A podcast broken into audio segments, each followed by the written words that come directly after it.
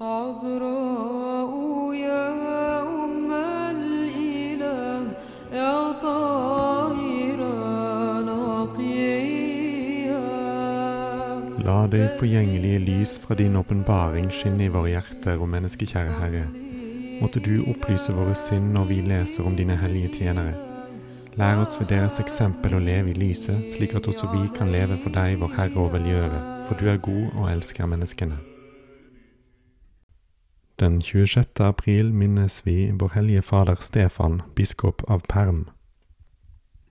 Hellige Stefan var født i år 1340 som sønn av en prest i Ustiug, som ligger i europeisk Russland. Som ung utviste han store evner, og på bare et år hadde han fått tilstrekkelig kunnskap til de kirkelige skriftene til å bli leser i katedralen, hvor hans far gjorde tjeneste. Han hadde en stor tørst etter hellighet, og det fikk han som ganske ung til å tre inn i hellige Gregor teologens kloster i Rostov.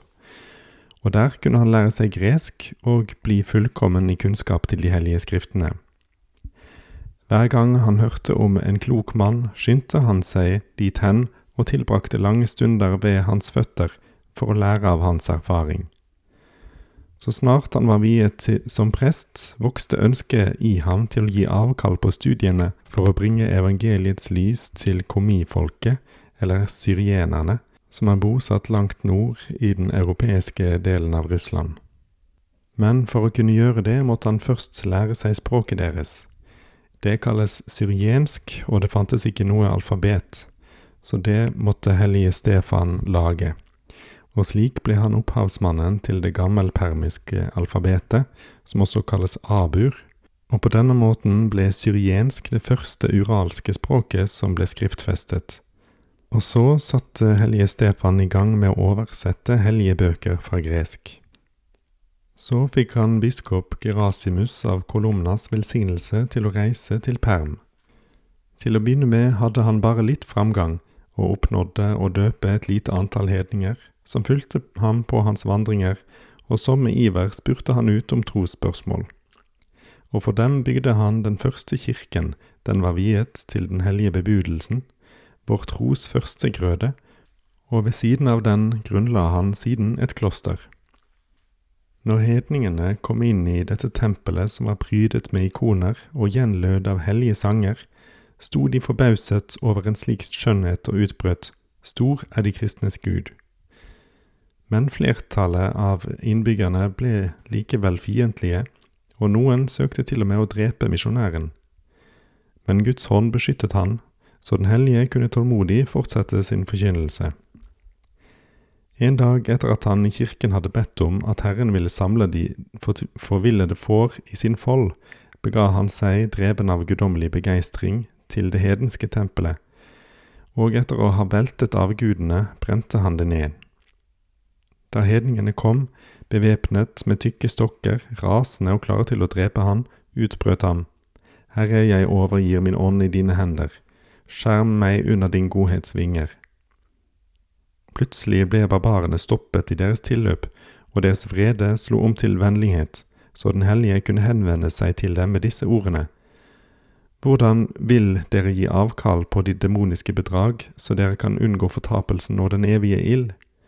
Hvis disse avgudene var i sannhet guder, så hadde de slukket ilden og straffet dens opphavsmann.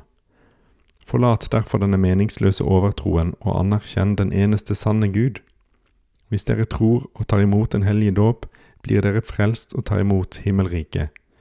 Hvis dere ikke tror, forblir dere fordømt til evige pinsler. Avgudsdyrkerne ble overbevist av den hellige, og fra dag til dag kom flere til troen og lot seg døpe. Hele regionen ble snart opplyst av evangeliets nåde, og fulgt av et stort antall nydøpte begav den hellige seg til ethvert sted hvor det fortsatt fantes avguder, for å tilintetgjøre dem ved ild sammen med de offer som hedningene brakte til dem. Hellige Stefan bygde to kirker til, og der lærte han folket å lese tidebønnene, salmene og de andre kirkelige bøkene, som han hadde oversatt til deres språk. Dessuten forberedte han sine mest egnede disipler til diakonatet og senere til å bli presteviet for å skaffe denne gryende kirke innfødte prester.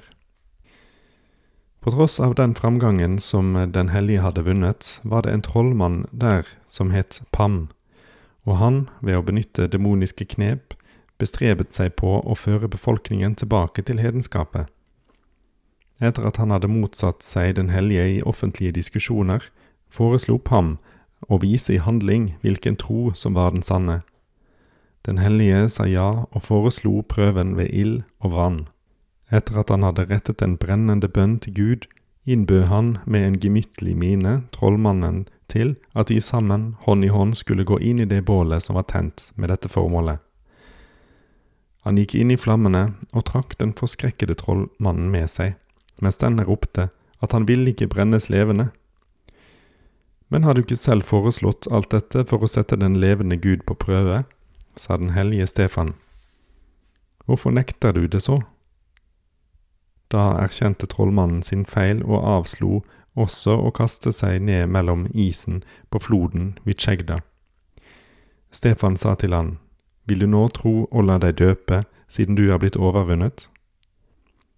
Til tross for skarens rop, som krevde at Pam skulle drepes, avslo Den hellige å gjøre han noe ondt, for han minnet dem om Kristi bud om mildhet og kjærlighet til fiendene, og han nøyde seg med å jage Pam fra regionen, for at han kunne holde opp med å forderve Guds folk. Tallet på troende tiltok i en slik grad at man kunne føle nødvendigheten av å velge en biskop i spissen for denne nye kirken. Da reiste hellige Stefan til Moskva for å underrette storfyrst Dimitri og metropolitt Pimen om de under som hadde skjedd i Perms land, og for å be dem om å sende en biskop dit, for høsten var stor, men arbeiderne få. Det ble besluttet at Den hellige selv var den verdigste til bispetjenesten i dette landet, som han hadde opplyst ved sin forkynnelse og sine oversettelser, og hvor han hadde grunnlagt de første kirkene. Han ble innviet som biskop i 1383, og da han kom tilbake til Perm, tok folket mot han med jubel. Og så vendte biskop Stefan med tidoblet kraft tilbake til arbeidet. Han underviste, han døpte, han grunnla kirker, viet prester og innførte med visdom og dømmekraft kirkens struktur og regler. Han opprettet også kloster og gjorde seg til forsyn for fattige og trøst for bedrøvede. Som en god hyrde var han ikke bare opptatt av sjelene, men han tok seg også av legemene. Under en hungersnød i Perm lot han korn komme fra Vologda og organiserte gratis utdeling til befolkningen. En tid før sin salige bortgang foretok hellige Stefan en ny reise til Moskva, til metropolitt Kyprian. Før han skulle reise, samlet han sine får, og idet han viste til de hellige skriftene, formante han dem om å forbli faste i troen og fortsatt være forent i en ren nestekjærlighet. Og så, etter å ha meddelt dem at hans ende var nær, betrodde han dem til Herren og reiste til Moskva. Ikke før han var ankommet, følte han seg svekket, og noen dager senere, den 26. april 1396, oppgav han i fred sin ånd til Gud for å inngå i de hellige hierarkers kor. عذراء